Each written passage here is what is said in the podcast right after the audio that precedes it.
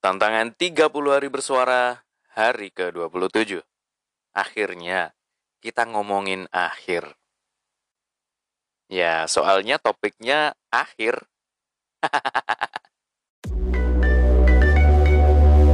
Siniar Raji Bersenandung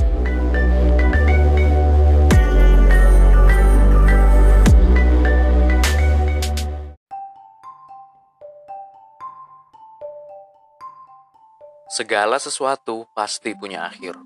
Tenang aja. Tapi bukan berarti kita membiarkan sesuatu itu berlalu sampai benar-benar berakhir. Bisa jadi dia nggak akan berakhir kalau kita biarkan saja. Tapi kalau kita tetap jalani, telaten, pelan-pelan, nanti juga akan tiba di akhir. Saya ingin berbagi cerita ketika saya di pesantren dulu. Saya masuk pesantren selepas lulus kelas 6 SD masih umur berapa ya? 12 kalau nggak 13 mungkin ya. Tahun 2005 akhir. Menuju 2006. Saya diantar oleh orang tua saya ke pesantren Gontor di Ponorogo. Sampai sana, pendaftaran, administrasi, bayar-bayar, beli perlengkapan seperti lemari, kasur, buku-buku, baju, sajadah, alat-alat sholat, kemudian perlengkapan sehari-hari, piring, alat mandi, dan lain sebagainya. Gak hanya saya waktu itu, semua santri yang baru itu kebanyakan ditemenin sama orang tuanya. Mereka ada yang semangat, ada yang memasang raut muka sedih gitu para santrinya. Ada juga yang kebingungan atau ada juga yang lebih memilih berinteraksi dengan teman-temannya untuk melupakan kerinduan. Ya, macam-macam yang mereka rasakan. Keesokan harinya saya menjalani tes, alhamdulillah saya lulus. Setelah itu, ayah saya pulang. Pamitan dan pulang. Saya awalnya senang karena waktu itu dapat banyak teman. Tapi lama-kelamaan, eh, keesokan harinya Entah kenapa waktu itu lagi santai tiba-tiba saya teringat rumah. Rindu. Teringat bagaimana suasana gimana ramenya di rumah bareng adik-adik. Lalu tidak terasa air mata meleleh di pipi. Nangis men saya. Eh, enggak. eh, saya waktu itu ngeri ngira saya nggak bakal nangis, bakal bahagia. Ternyata, men, nggak sengaja saya ternyata nangis. Yang tadinya nggak sengaja nangis, tiba-tiba saya sadar, waduh, saya nangis ya? Oke, sekalian deh langsung nangis aja. Saya luapkan lah tangisan itu. Meskipun sembunyi-sembunyi. Meskipun waktu itu saya kalau nangis, mesti ke kamar mandi dulu, baru saya luapkan tangisan itu. Meskipun suara saya tidak saya keraskan, benar-benar saya tahan sampai tenggorokan tuh sakit. Air mata deres banget mengalir di pipi, mata saya sampai merah bengkak. Benar-benar sedih waktu itu, karena rindu. Karena menyesal selama di rumah, saya mungkin agak mengecewakan orang tua. Setelah di pesantren saya sendirian Oke, waktu itu ya sudah, tidak ada pilihan lain selain saya jalani meskipun rasanya sedih. Saya pergi ke sekolah, pulang sekolah saya harus nyuci, sholat berjamaah dengan teman-teman, kemudian saya harus membersihkan kamar dengan teman-teman, harus dihukum karena tidak sengaja berbuat salah, karena memang harus disiplin waktu itu tapi saya ternyata masih belum bisa memanage waktu dengan baik karena waktu itu masih belum paham tentang manajemen waktu. Dan juga karena ada satu orang yang salah maka satu kamar dihukum satu kelas diberikan hukuman. Waktu itu saya menjalani proses belajar dengan teman-teman berjalan dari kamar ke dapur saja ke dapur umum kami bawa buku dan juga membawa tas sandal. bawa piring. Sambil berjalan, sambil membuka buku dan menghafal pelajaran yang ada di dalamnya. Karena pelajarannya setengah bahasa Indonesia, setengah bahasa Arab. Oke, saya jalani. Kelas 1, kelas 2, kelas 3. Kalau di Gontor, urutannya adalah kelas 1 sampai kelas 6. Itu sama seperti kelas 1 SMP, 2 SMP, 3 SMP, 1 SMA, 2 SMA, 3 SMA. Kelas 6 itu seperti layaknya kelas 3 SMA. Seiring berjalannya waktu, lama-lama saya kerasan di pondok. Karena saya menjalani berbagai aktivitas. Saya sempat menjadi sekretaris di asrama saya. Sekretaris ini tugasnya adalah mengurus administrasi di asrama. Banyak banget seperti menulis surat, mungkin membuat desain, dan lain-lain. Dan sekretarisnya tidak ada satu orang, tapi beberapa orang. Saya mengalami menjadi sekretaris asrama itu sampai kelas 4, seingat saya. Setelah itu saya menjadi sekretaris konsulat. Konsulat ini uh, kami menyebut konsulat untuk kelompok-kelompok daerah. Misalkan konsulat Malang, konsulat Surabaya, konsulat Surakarta dan Yogyakarta.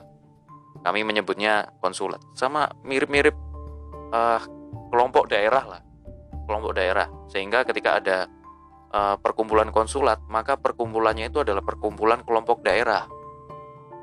Di setiap konsulat pasti ada organisasinya pasti itu nah ketika kelas 5 oh bukan kelas 5 ya kelas 4 saya sempat menjadi sekretaris untuk panitia perpulangan di konsulat di konsulat Malang nah proses itu saya jalani kelas 5 saya pernah menjadi sekretaris agenda pentas seni yang paling gede untuk anak kelas 5 yaitu drama arena di kelas 6 saya menjadi sekretaris agenda pentas seni paling gede untuk anak kelas 6, yaitu panggung gembira. Di kelas 5, saya diangkat menjadi kader institusi permajalahan di Gontor, namanya Itkon Group. Kadernya kan dari kelas 5 karena pengurus utamanya itu kelas 6. Nah, diambillah anak kelas 5 dua orang untuk menjadi kader. Salah satunya saya. Di akhir Eh, masa-masa uh, kelas 5 saya uh, naik naik ke kepengurusan Itkon Group saya menjadi pimpinan redaksi sedangkan kawan saya kader satunya itu menjadi pimpinan umumnya itu berlanjut sampai saya kelas 6 maksud saya seperti ini kenapa saya cerita proses ini ya karena begini kawan-kawan kita kembali ke perbincangan awal saya tadi saya mengatakan bahwasanya semuanya pasti ada akhir. Ketika pertama kali saya masuk ke pesantren, saya bahagia karena ketemu orang banyak. Tapi di sisi lain, saya takut. Ketakutan itu semakin muncul ketika saya makin hari kok tiba-tiba menangis dan merasakan tangisan-tangisan itu setiap hari. Mungkin juga bukan benar-benar setiap hari ya, tapi setiap minggu atau mungkin setiap bulan ya datangnya tidak tentu. Tiba-tiba rindu saja dengan orang tua, dengan adik-adik, rindu rumah. Ketika saya menangis, saya berpikir, kapan ini berakhir? Kapan ini selesainya? Oke, saya memutuskan untuk dijalani saja. Karena kalau saya ngambek, kemudian tidak menjalani proses saya selama di pesantren, kabur dari pesantren, justru yang terjadi adalah semuanya tidak akan selesai. Justru hancur semuanya. Maka maka itu saya di awal tadi bilang, ya dijalani. Dijalani, semuanya pasti akan ada akhirnya. Dan itu saya rasakan ketika sudah berada di kelas 6 dan sudah berada di tahap benar-benar mau kelulusan kebiasaan di pesantren Gontor adalah untuk kelulusan anak kelas 5 dan kelas 6 itu beda caranya. Kalau anak-anak kelas 1 sampai kelas 4 mereka kelulusannya itu ya dapat pengumuman aja. Dapat kiriman surat dari pondok ketika mereka liburan di rumah. Dinyatakan bahwasanya anak Anda lulus atau lulus uh, di pondok cabang mana gitu kan. Ada beberapa orang yang lulus tapi dia tidak lulus di Gontor satu, tapi lulusnya di Gontor cabang mana Gontor 5 sehingga nanti ketika ketika kembali dari liburan dia harus ke Gontor satu dulu kemudian berangkat bareng-bareng sama teman-teman yang lulusnya di Gontor cabang mana gitu. Dan mereka tinggal nunggu aja pengumumannya. Nah, beda dengan kelas 5 dan kelas 6. Kelas 5 kelulusannya itu eh, begini. Cara mereka lulus itu sama. Ada yudisium, dipanggil. Dikumpulin di satu tempat, kemudian dipanggil, mereka benar-benar lari menuju gedung tempat mereka harus menghadap ke Bapak pimpinan. Dan ada beberapa panggilan. Panggilan pertama berapa orang. Setelah itu menunggu karena setiap rombongan panggilan itu akan ada pengarahan dari Bapak pimpinan dan setiap rombongan panggilan itu adalah uh, rombongan yang menentukan bagaimana bentuk kelulusan mereka. Biasanya nih, anak kelas 5 ketika mereka menunggu kelulusan menuju kelas 6, mereka itu benar-benar deg-degan. Karena mereka harus mengalami benar-benar mengalami tantangan.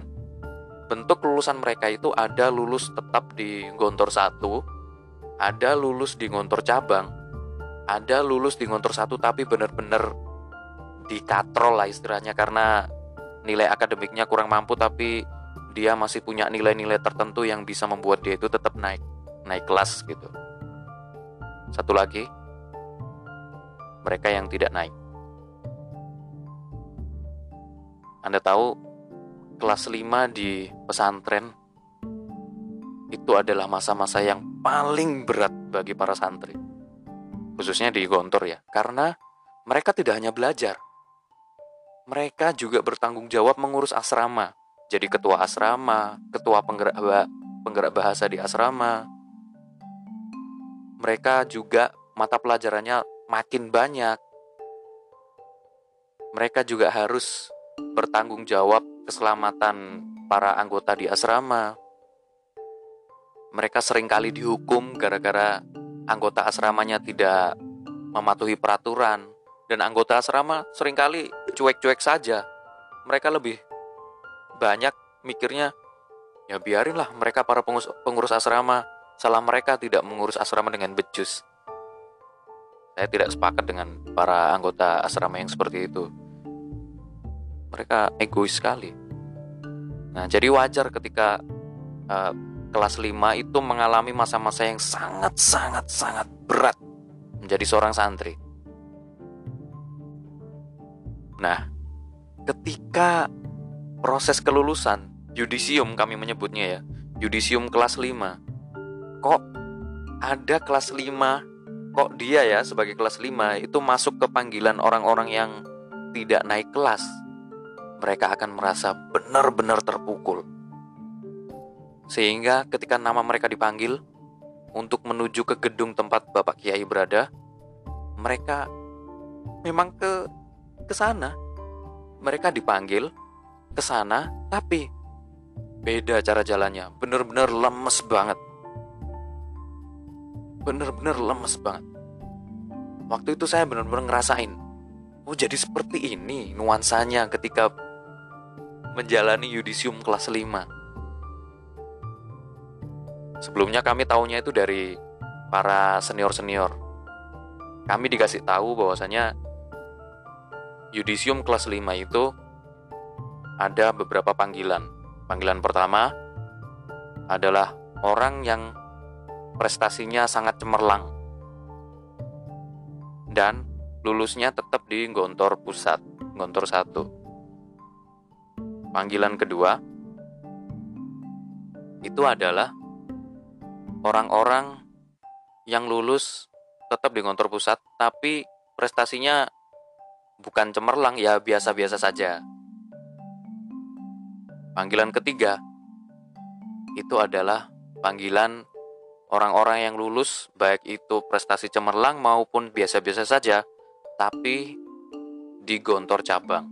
Misalkan cabang Kediri, cabang Banyuwangi, Magelang, mungkin juga di Lampung atau di Kendari. Panggilan yang keempat, ini panggilan yang serem. Konon ini panggilan paling serem yang pernah ada di sejarah yudisium kelas 5. Ini adalah panggilan untuk orang-orang yang tidak lulus dan harus mengulang kelas 5 lagi. Dan mereka mengulangnya tidak di kontor satu. Mereka mengulangnya di pondok cabang. Dan itu akan ditentukan nanti ketika mereka sudah berada di depan Bapak pimpinan. Mereka menerima surat dan ada tulisannya di sana. Oh, saya tidak lulus dan saya melanjutkan mengulangi lagi kelas 5 saya di Gontor cabang Kediri. Gontor Gontor 5 di Bayungwangi. Gontor 6 di Magelang. Mungkin seperti itu. Panggilan kelima adalah orang yang sebenarnya tidak lulus, tapi dia dibantu oleh pertimbangan-pertimbangan para ustadz. Dia dibantu oleh kerja keras dia yang tidak kenal lelah. Dia dibantu oleh kebaikan-kebaikan dia selama menjadi anak kelas 5. Misalkan, dia orang yang akademiknya kurang bagus, tapi dia sangat rajin datang ke kelas, pasti membersihkan kelas. Dan ketika ada ustadz, pasti sangat hormat sekali. Dan dia tidak pernah absen untuk sholat tahajud. Pasti dia sholat tahajud tiap hari. Dan lain-lain. Banyak sekali nilai plusnya. Nah, nilai plus itulah yang menjadi pertimbangan untuk dia bisa tetap lulus. Naik kelas di gontor satu. Meskipun kelasnya bukan kelas yang bagus, ya kelasnya kelas-kelas peringkat bawah. Tapi tidak apa-apa dan konon. Konon katanya panggilan kelima adalah panggilan di mana orang-orang yang tadinya tegang. Mereka kemudian merasa gembira ria lompat. Ceria sekali bahkan nangis-nangis. Berteriak Allahu Akbar Alhamdulillah. Ya Allah, karena apa? Karena mereka deg-degan. Deg-degan kirain gak lulus. Ternyata mereka masih lulus.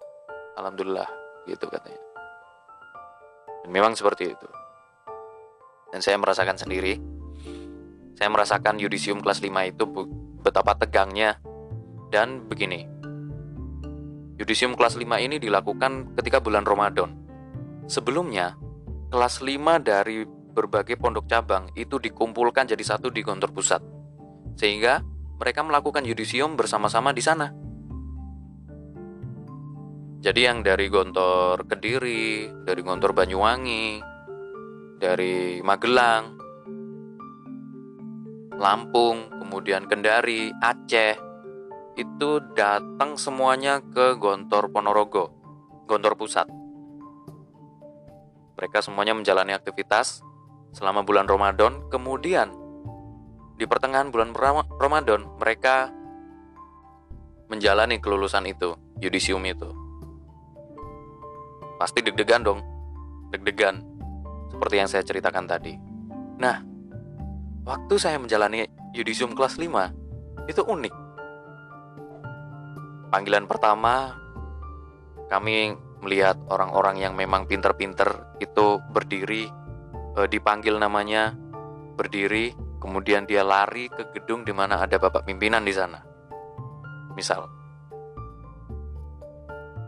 Budi bin Budi dari Malang. Budi langsung berdiri, langsung lari. Waktu itu kami semua pakai baju putih, celana hitam, pakai peci, tentu pakai papan nama juga. Semuanya bawa Al-Quran, baca Quran semuanya. Karena mereka mengharap semoga hasil dari kelulusan kami itu yang terbaik. Kalaupun tidak, ya sudah, kami sudah tawakal. Dipanggil satu persatu. Seperti itu cara manggilnya. Panggilan pertama, lancar. Kami semua terkesima. Wah, memang orang-orang pinter ini yang dipanggil. Terlebih ketika panggilan pertama. Ketika panggilan pertama, kami terkejut benar-benar. Wuh, anak ini berarti dia ini orang paling pinter di angkatan kami. Lari dia. Lari menuju kantor, oh, bukan kantor, ke gedung eh, di mana di situ ada aula yang bapak pimpinan sudah menunggu di sana. Ada tiga bapak pimpinan, kemudian ada direktur Kuliatul Mu'alimin Islamiyah, dan juga beberapa guru senior. Panggilan pertama berlalu dengan cepat dan lancar. Kemudian panggilan selesai, hening. Semuanya pada baca Quran. Deg-degan. Panggilan kedua, lancar. Lancar juga, karena panggilan kedua adalah posisi yang relatif aman, karena masih lulus dan di gontor satu. Lancar. Kawan-kawan yang berasal dari pondok cabang, kemudian dia masuk ke panggilan kedua, sangat gembira sekali. Karena mereka bahagia akhirnya merasakan hidup di gontor pusat Berlangsung, selesai, hening. Kembali orang-orang membaca Al-Quran. Ada juga yang mungkin ngobrol dengan teman-temannya karena menunggu kan, panas pula. Menunggu, tibalah waktunya panggilan ketiga. Deg-degan, karena ini panggilan di mana kita lulus, baik itu lulus dengan nilai cemerlang maupun pas-pasan, tapi kita sudah tidak di kantor pusat lagi. Kita lulusnya di kantor cabang. Deg-degan, kemudian dipanggillah namanya. Awalnya pelan, tapi tetap jalan aja. Karena waktu itu Ustadz-Ustadz bilangnya, ayo cepat, ayo cepat. Maju, maju, maju. Saya deg-degan waktu itu. Waktu itu saya deg-degan karena pertama, saya orangnya nggak pinter-pinter amat kelas 5 waktu itu kelas 5R bayangin itu jadi di Gontor itu sistem pemeringkatannya kelasnya itu paling tinggi itu kelas B. Tinggal dilihat nanti paling bawah apa macam-macam ada yang paling bawah itu sampai N ada yang sampai P ada yang sampai Q. Nah kebetulan waktu itu kelas 5 sampai V. Karena teman-teman pondok cabang pada datang ya mungkin sampai Z ya waktu itu lupa. Kelas 6 juga waktu itu waktu saya kelas 6 6 nya sampai 6S banyak banget. Ya oke okay, back to the topic. Saya deg-degan. Wow. Deg-degan apakah saya itu bakal dipindah atau enggak gitu? Akademik sudah nggak terlalu bagus ya 5R kemudian mungkin saya itu tidak terlalu tidak di, uh, dilihat nggak terlalu punya prestasi banget gitu di depan para ustadz ya sudah saya ikhlas saja oke lah sebenarnya saya tuh berharap dipanggilnya itu di panggilan kedua itu saya dengerin banget itu panggilan kedua oh orang ini orang ini orang ini orang ini waduh teman-teman saya pada dipanggil di panggilan kedua itu ternyata Nama saya tidak ada. Dan anehnya, teman-teman dekat saya juga masih banyak yang belum dipanggil waktu itu. Waduh, jangan-jangan banyak nih yang nggak naik atau dipindah. Oke lah. Nah, ketika panggilan ketiga, saya benar-benar dengerin juga. Semoga aku masih tetap di sini. Saya dengerin satu persatu. Ada nggak ya Raji Araki? Ada nggak ya? Ada nggak ya? Panggilan tiga berakhir, Ternyata nama saya tidak ada. Semakin deg-degan. Karena kami semua tahu, kami semua yang ada di tempat yudisium waktu itu tahu. Kalau panggilan keempat adalah panggilan untuk yang tidak naik. Dan kami semua, dari panggilan satu sampai panggilan ketiga, belum dipanggil. Kami semakin deg-degan, baca Quran kami semakin kencang. Air mata kami semakin meleleh. Saya nggak bisa menangis waktu itu saya bingung waduh waduh apa nggak naik ya Tapi teman-teman yang kayaknya pinter-pinter juga ada di sini. Apa jangan-jangan mereka nggak naik juga? Bener-bener waktu itu kami dibuat deg-degan. Hening agak lama. Tibalah waktunya panggilan keempat. Dipanggillah salah satu teman saya yang saya lihat dia tuh pinter. Pinter banget. Kelasnya juga nggak terlalu bawah. Dia kelasnya tengah-tengah. Nggak kayak saya 5R gitu. Dia kalau nggak salah kelas 5J, kalau nggak 5G ya. Lupa. Nah, nah, nah, itu namanya ya. Misalkan uh, Ahmad Budi. Namanya dipanggil, dia berdiri. Dia kaget. Kami semua juga kaget. Kok anak ini pinter tapi dipanggil? Dia berdiri, jalan pelan-pelan. Karena putus asa. Kami semua waktu itu tahu kan, kalau empat, panggilan empat itu panggilan tidak naik. Dia jalan pelan-pelan. Tapi anehnya, ustadz-ustadz waktu itu memberikan tepukan agar kami yang dipanggil itu bisa berjalan lebih cepat lagi. Ayo cepat, ayo cepat. Jadi teman saya yang dipanggil pertama tadi itu dia dia tuh putus asa tapi disuruh jalan cepat. Ayo cepet cepet, ayo cepet. Yang lainnya nama nama yang lainnya yang seterusnya dipanggil. Jadi panggilan masih terus berlanjut. Sedangkan ustadz ustadz, ayo cepet, ayo cepet, ayo cepet. Ada ustadz yang bilang, waktu itu ustadz ustadz yang memang menanggung jawabi membimbing kami semua anak kelas 5. Ayo cepet, gak apa-apa. Ini ini panggilan kalian lulus kok. Ayo cepet, ayo cepet. Kami langsung seketika kaget. Jadi wajar kalau misalkan ada teman-teman saya tadi yang kelihatannya pinter, terus dipanggil. Oh ternyata mereka masih lulus. Oh pantesan. Saya perhatikan nama-namanya. Oh ini, ini, oh ini, ini ya. Iya sih, mereka memang anak-anak yang sebenarnya pinter, kelasnya tengah-tengah juga. Oh wajar mereka lulus, tapi lulus mana ya? Nah itu yang masih mengherankan. Apa ini bentuk panggilan baru ya? Mereka jalan, jalan, jalan. Ternyata nama saya dipanggil waktu itu. Oke, saya semangat aja, lari, lari, lari. Dan waktu kami membuka surat, ternyata keterangannya adalah kami lulus di Gontor 1. Jadi ternyata panggilan waktu itu bukan ada lima panggilan, tapi ada enam panggilan.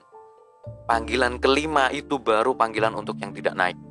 Sedangkan panggilan enam itu adalah orang-orang yang benar-benar dapat syafaat.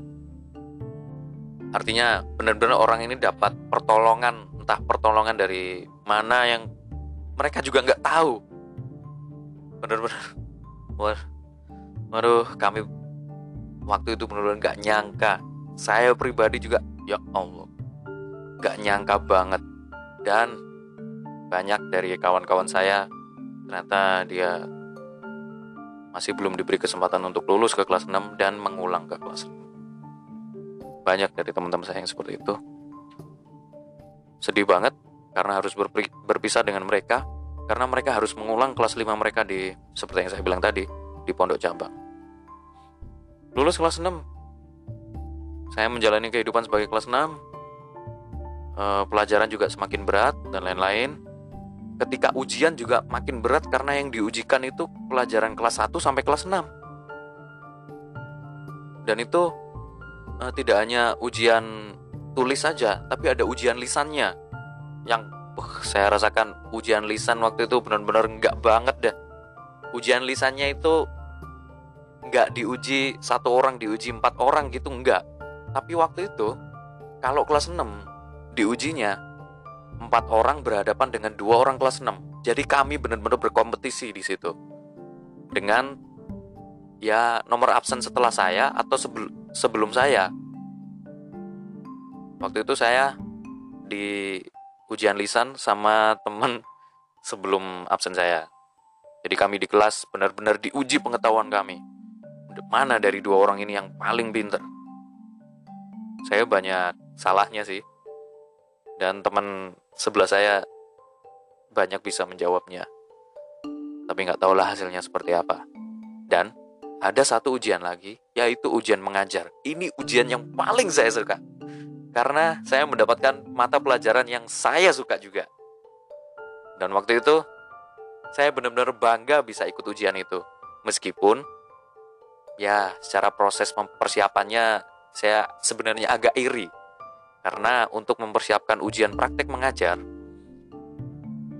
saya kurang enak gitu untuk minta bantuan ke teman-teman yang lain. Sedangkan teman-teman yang lain itu ngajakin teman-temannya eh bro nanti malam datang ke kelas ini gedung ini ya.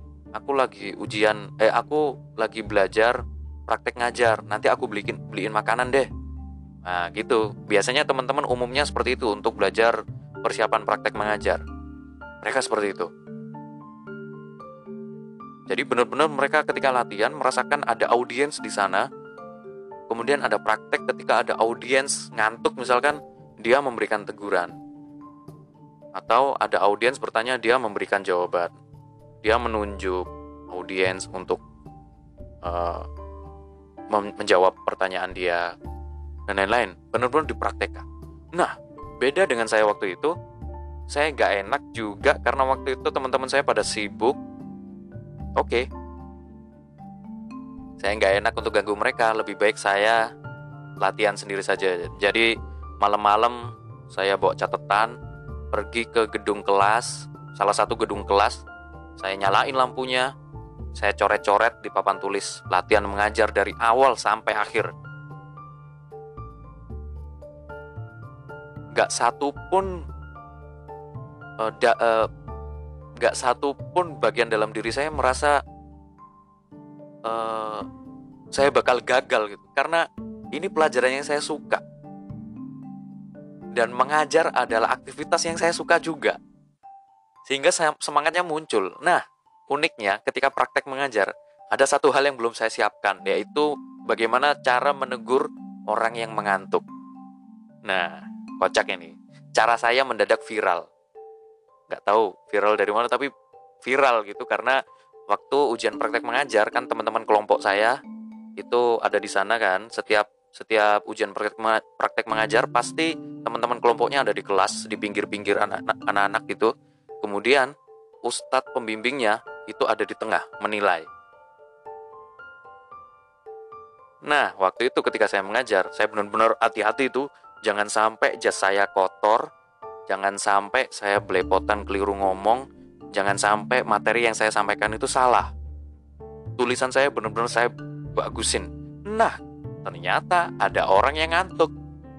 Itu yang belum saya siapin. Nah, spontan dalam pikiran saya, "Eh, kamu yang di belakang, yang di ujung, silahkan berdiri."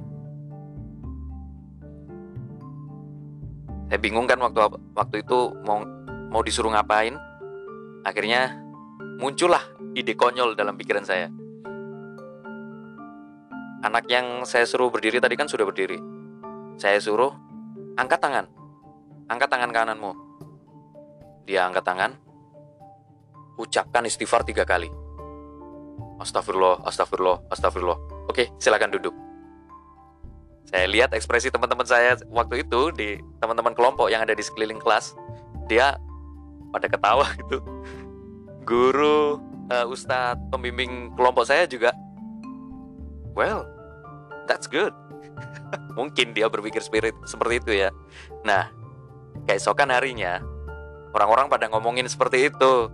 Teman-teman saya tiba-tiba ngomong coba angkat tangan. Saya angkat tangan kan? Kenapa emang coba istighfar tiga kali. Eh lu dari mana lu tahu cara gua? Oke jadi bahan omongan. It's okay. Gak apa-apa tapi saya bahagia. Nah itu proses benar-benar saya jalani. Akhirnya saya menjalani juga yang namanya yudisium kelas 6 yudisium kelas 6 juga ada beberapa panggilan. Saya agak lupa panggilannya ada berapa. Yang jelas ada tahap-tahapnya. Panggilan pertama kemudian eh, panggilan di mana orang-orang itu nanti lulus tapi dia harus mengabdi jadi gini eh, para alumni Gontor itu nantinya ya, anak-anak kelas 6 itu nanti ketika mereka lulus, mereka harus melakukan pengabdian paling tidak satu tahun. Jadi ketika mereka yudisium, mereka dinyatakan lulus, tapi ada surat pengabdiannya, penempatannya di mana. Jadi kami juga benar-benar berdebar-debar dan menunggu-nunggu. Meskipun suasananya tidak seberdebar-debar waktu kelas 5, karena kami selesai, selesai. Proses saya menjadi santri itu sudah selesai. Dan saat ini saya menjalani kehidupan baru yang mungkin tidak terlalu ya, maksudnya uh, lebih longgar lah. Meskipun posisinya mengabdi ya secara umum kalau mengabdi ini nantinya akan menjadi guru di pesantren-pesantren di mana kita ditempatkan nanti macam-macam nanti ketika menjadi guru bisa menjadi guru di di gontor cabang misalkan lalu bertugas sebagai uh, yang yang mengurusi keseharian santri atau yang mengurusi pusat data pesantren dan lain-lain. Nah, waktu itu ada panggilan untuk orang-orang yang mengabdi di Gontor 1, Gontor 2, dan Gontor 3. Itu panggilan pertama. Nah, ketika panggilan dimulai, Yudisium kelas 6 ya, waktu itu semuanya berkumpul dalam satu tempat, tempat yang sama untuk Yudisium se seperti Yudisium kelas 5 cuma pakaiannya beda. Kami waktu itu pakai pakaian uh, kemeja angkatan.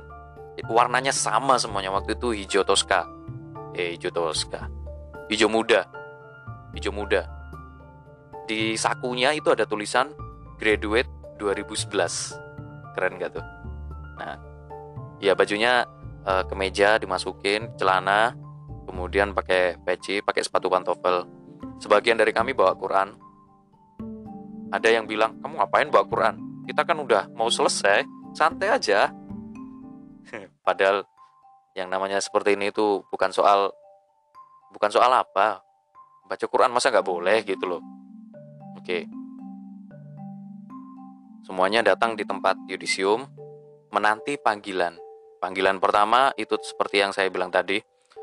Panggilan selanjutnya, panggilan kedua itu biasanya di pondok-pondok cabang setelah gontor 3 yaitu gontor 5, gontor 6, 7, uh, 8, 9, 10 mungkin juga yang lain seperti 11, 12, 13 nah kenapa kok 4 enggak? karena 4 itu gontor putri. Nah uh, saya saya agak lupa sebenarnya. Pokoknya pembagiannya itu ada yang uh, gontor 1, 2, 3 kemudian gontor cabang yang lain lalu ditaruh di ada yang diletakkan di uh, Unida Universitas Darussalam. Dia mengabdinya bukan mengabdi ya tapi lebih cocoknya disebut menjadi mahasiswa. Kemudian ada juga yang diletakkan di pondok-pondok alumni disebar ada yang di Jambi ada yang di Papua ada yang di Sabang dan lain-lain. Ada juga yang berada di lembaga-lembaga yang didirikan oleh pondok misalkan lembaga pelatihan kewirausahaan. Itu Gontor punya PLMPM namanya. Entah sekarang masih eksis atau enggak mungkin sudah dirubah ya namanya dan lain-lain di lembaga-lembaga tertentu.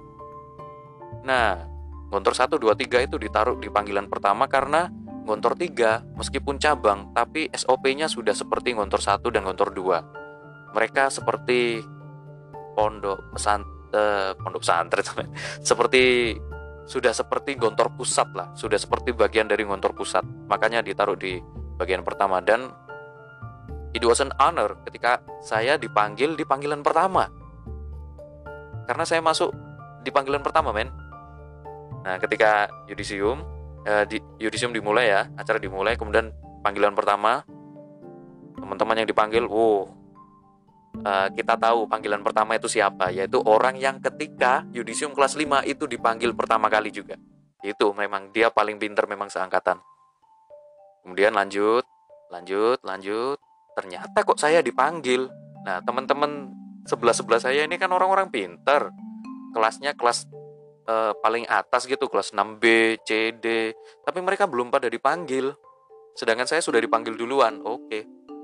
Saya penasaran itu isinya apa itu suratnya ya saya penentuannya itu saya itu lulus kayak gimana terus mengabdi di mana ternyata ketika sudah uh, sudah saya lari ke gedung menghadap bapak pimpinan dengan teman-teman yang lain yang dipanggil di panggilan pertama saya buka suratnya ternyata saya mengabdi di Gontor 3 Gontor 3 ini di Kediri Darul Makrifat Kediri.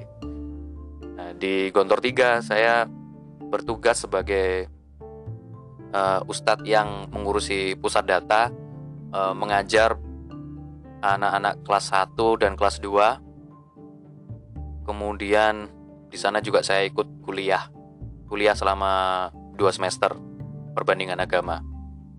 Ya jurusannya perbandingan agama. Ya seperti itu. Dan yang lain-lain ada panggilan-panggilan yang lain. Nah ada orang yang masuk ke kelompok panggilan dia uh, seakan-akan masih belum lulus. Karena memang akademiknya masih perlu dibantu lagi.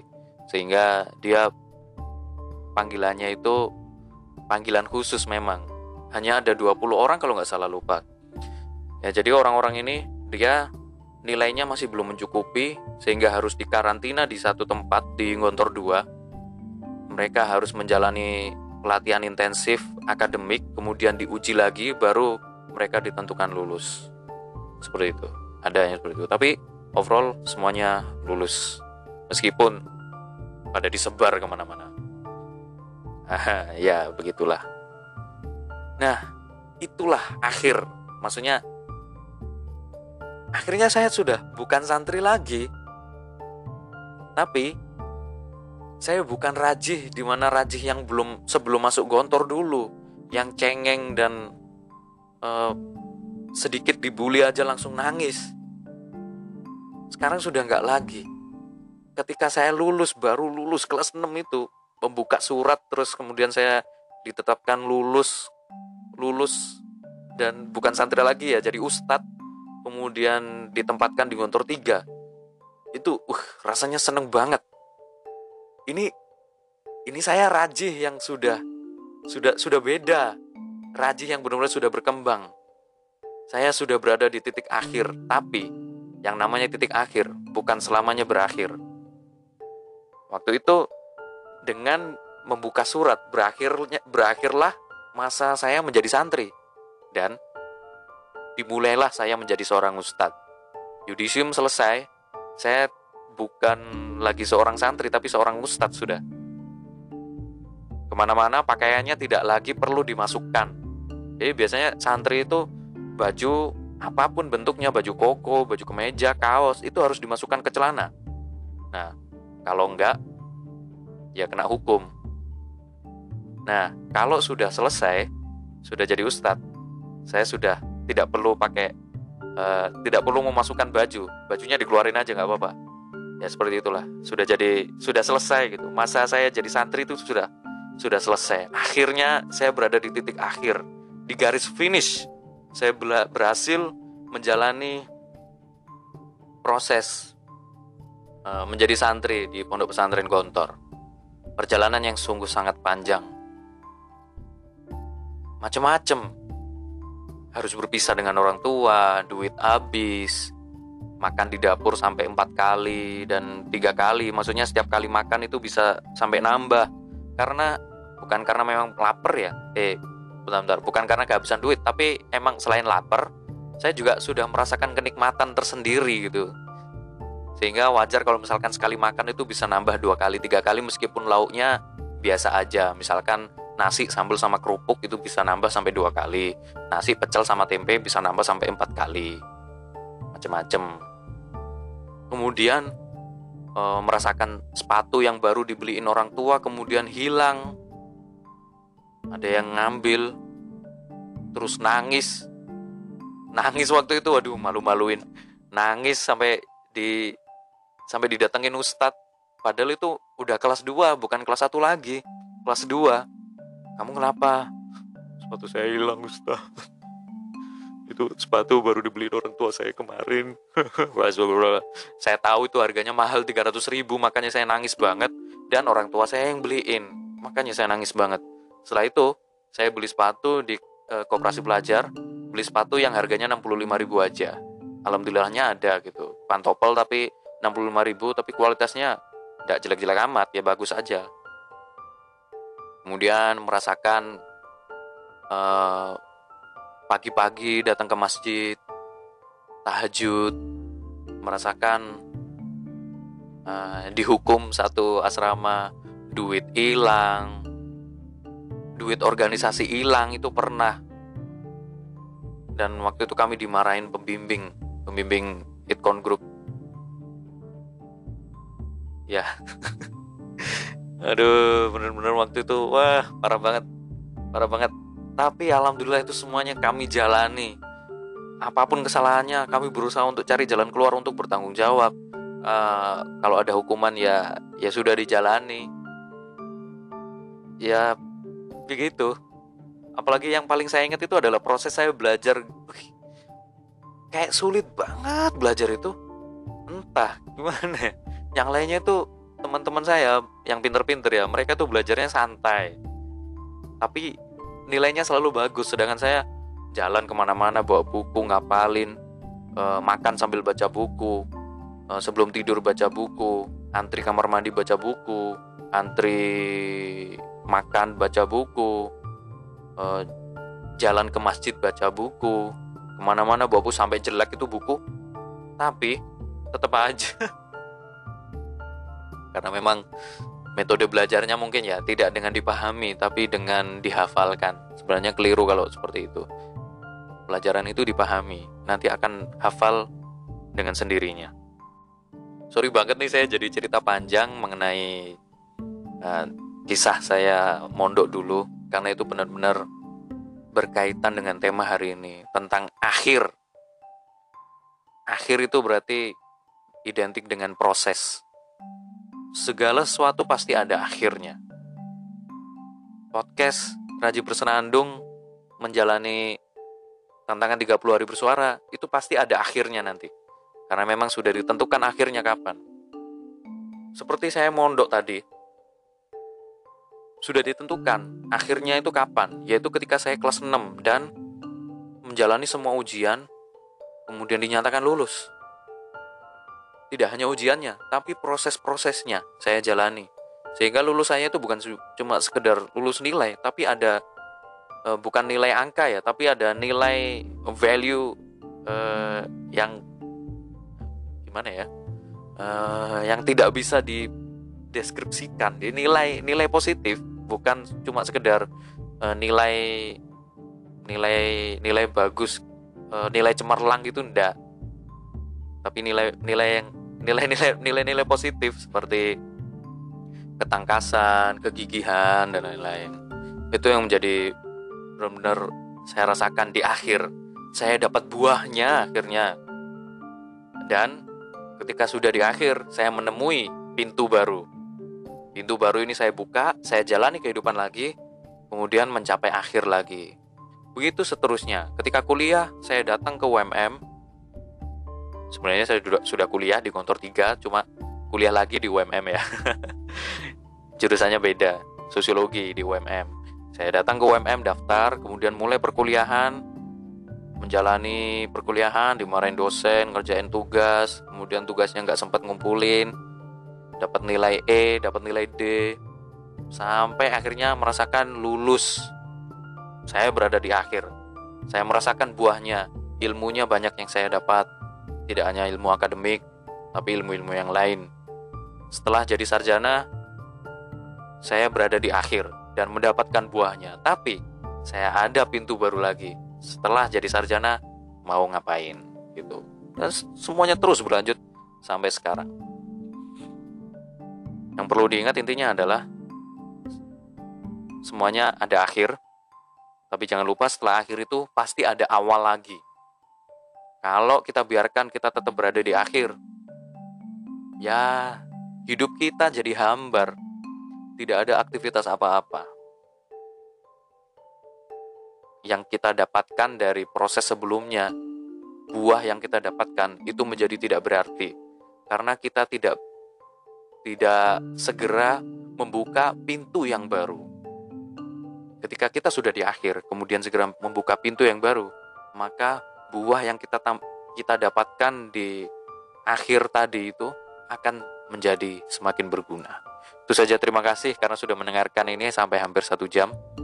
Semoga bermanfaat. Terima kasih, sampai jumpa di episode berikutnya.